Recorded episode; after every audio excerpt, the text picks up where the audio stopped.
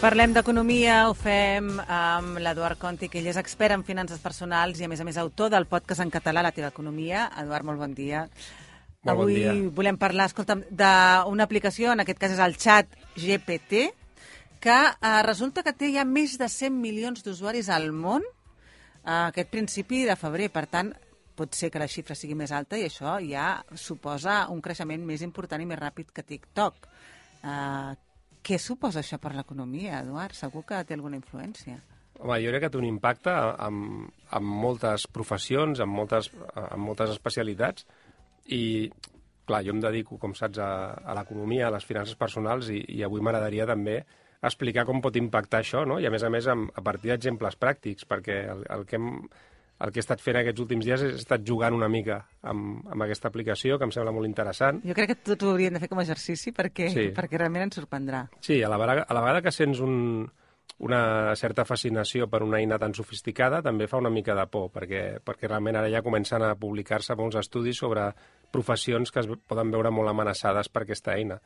Llavors, el, els, els que en són més partidaris diuen que ho hem de veure més com una eina de suport, no? com, com un assistent o assistenta personal que ens pot ajudar a fer més, de manera més productiva la nostra feina, però a la vegada, clar, a la que et poses a fer-li preguntes, doncs veus per on van els trets, no? De fet, nosaltres li hem fet algunes preguntes perquè volíem saber a veure què ens deia i, i una sobre economia, no? Sí, mira, jo, jo, li, jo li he preguntat al xat GPT, que a més és molt, molt interessant perquè, clar, tu li fas una pregunta i et dona una resposta, però si vas regenerant les respostes, les respostes són infinites. Sí, sí. Per si tant, no t'agrada, la, la... Sí, o si, la, o si vols que canviï. t'ampliïn, no? Si vols, mira, Sí. escolta, jo no no m'he quedat content, vull saber més, no? Doncs tornes a refrescar i et donen una altra resposta. Llavors és com...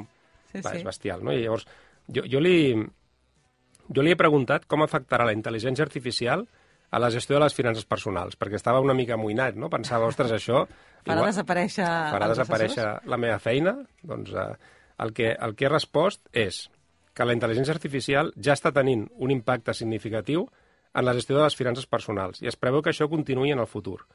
Aquí tens algunes maneres en què la intel·ligència artificial està afectant la gestió de les finances personals. Tot això que t'estic dient és literal. O sigui, tu li preguntes en català, et contesta en català. I el que diu és que um, podrà ajudar les persones a l'hora de gestionar la seva economia de la següent manera. 1.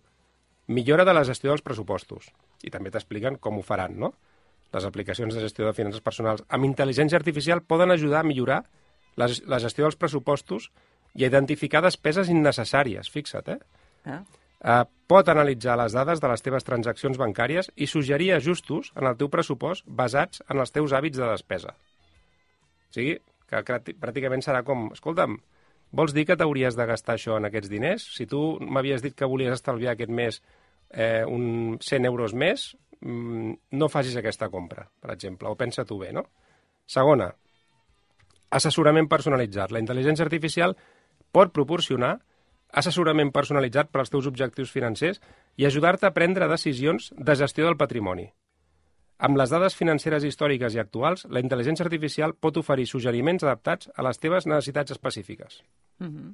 Clar, Té tota la raó. Clar, tot, el- tot el, té tota la raó, però el que, tot el que estem dient és Ja. són feines que ara mateix fan, fan persones, no? I aquesta intel·ligència Clar.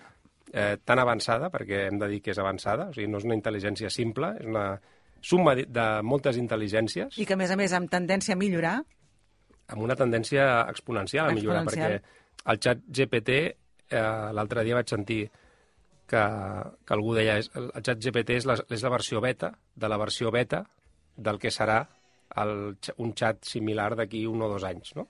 És a dir, que el que estem veient ara i que ens sembla meravellós, doncs d'aquí un any semblarà poca cosa, no? I, i més tindrà moltes aplicacions.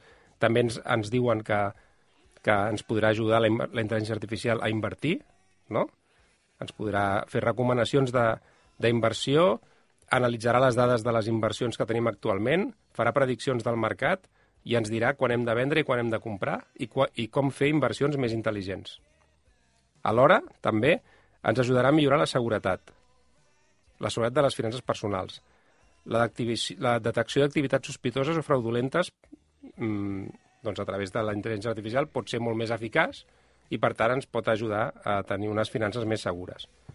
I també, imagina't, ara que es parla tant, i, i que a més n'hem parlat tant aquí a, a la secció, de la inclusió financera de les persones grans i de les persones que viuen en zones rurals, també diuen que la intel·ligència artificial ajudarà a moltes persones a accedir a serveis bancaris a persones amb pocs recursos o que visquin en àrees rurals.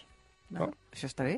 Que poden ajudar a simplificar el, el procés bancari i millorar eh, l'accés als serveis bancaris d'aquestes persones. Clar, però jo em pregunto, ara, si féssim refresh, tindríem unes altres pautes? Unes tindríem altres unes altres pautes, sí, sí, sí.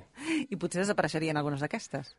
Desapareixerien algunes. Algunes, quan, quan jo ho he fet i regenerat respostes, el que m'apareixen és no necessàriament eh, cinc punts diferents, sinó a vegades n'hi ha dos o tres que es repeteixen, escrits d'una altra manera, no? Mm -hmm. I dos o tres de nous. Aleshores, clar, aquí estic donant moltes idees també per, a tothom per treballar, no? Perquè sí, sí, segur que realment... pot ser un, una eina que ens pot donar, mm -hmm. segons quins recursos que ens poden facilitar la vida professional, però també està clar que una supervisió d'algú, d'un humà, d'una persona, és necessària. Com a sí. mínim ara. Això no vol I dir tant. que potser d'aquí un temps pugui no ser necessària. I però... tant. A més a més, el propi xat GPT ho recomana, eh? Perquè, per exemple, jo li vaig preguntar també moltes preguntes, no? I feia també pensant en clients que, que, que tinc i que m'han vingut amb preguntes similars. Una era, com puc gestionar les meves finances personals si m'acabo de separar? No? Uh mhm. -huh. Et fan una sèrie de recomanacions i després, al final, et diuen cerca ajuda professional si és necessari. Clar. Em sembla molt prudent. Si et resulta difícil gestionar les teves finances després de la separació, pots considerar buscar ajuda professional d'un assessor financer o un advocat especialitzat en dret de família. Ells poden ajudar-te a navegar per aquesta situació difícil i proporcionar-te assessorament personalitzat. És evident que nosaltres no podem resoldre els nostres problemes només entrant en una aplicació i fent-li una pregunta. Ara bé, sí que és veritat que és una eina més d'orientació i de la mateixa forma que entrem a navegadors com Google eh, i busquem també eh, articles i informacions, doncs això ens està donant eh, tot, un, tot un ventall de respostes que també són molt orientatives, però que també no són suficients per resoldre els problemes. Doncs estarem pendents d'aquesta aplicació, d'aquesta part de tecnologia que ens ofereix intel·ligència artificial, que és la, el xat GPT, sí. i, que, i que, com dèiem, porta ja més de 100 milions d'usuaris al món, i em sembla que són dos, més de 2 milions eh, a nivell de l'Estat, no? Sí, sí, van passar dels 2 milions a l'Estat fa aproximadament un mes, i ja per ho has tant... dit, és el creixement d'una aplicació tecnològica més ràpid de la història, no? superant inclús a TikTok, que fins fa molt poc ja tothom deia que havia sigut un creixement espectacular, doncs el del xat GPT encara ho és més. Mm -hmm. Doncs interessant veure com afectarà les nostres vides. I tant. Eduard, com sempre, moltes gràcies i fins la setmana que ve. A tu, vagi bé.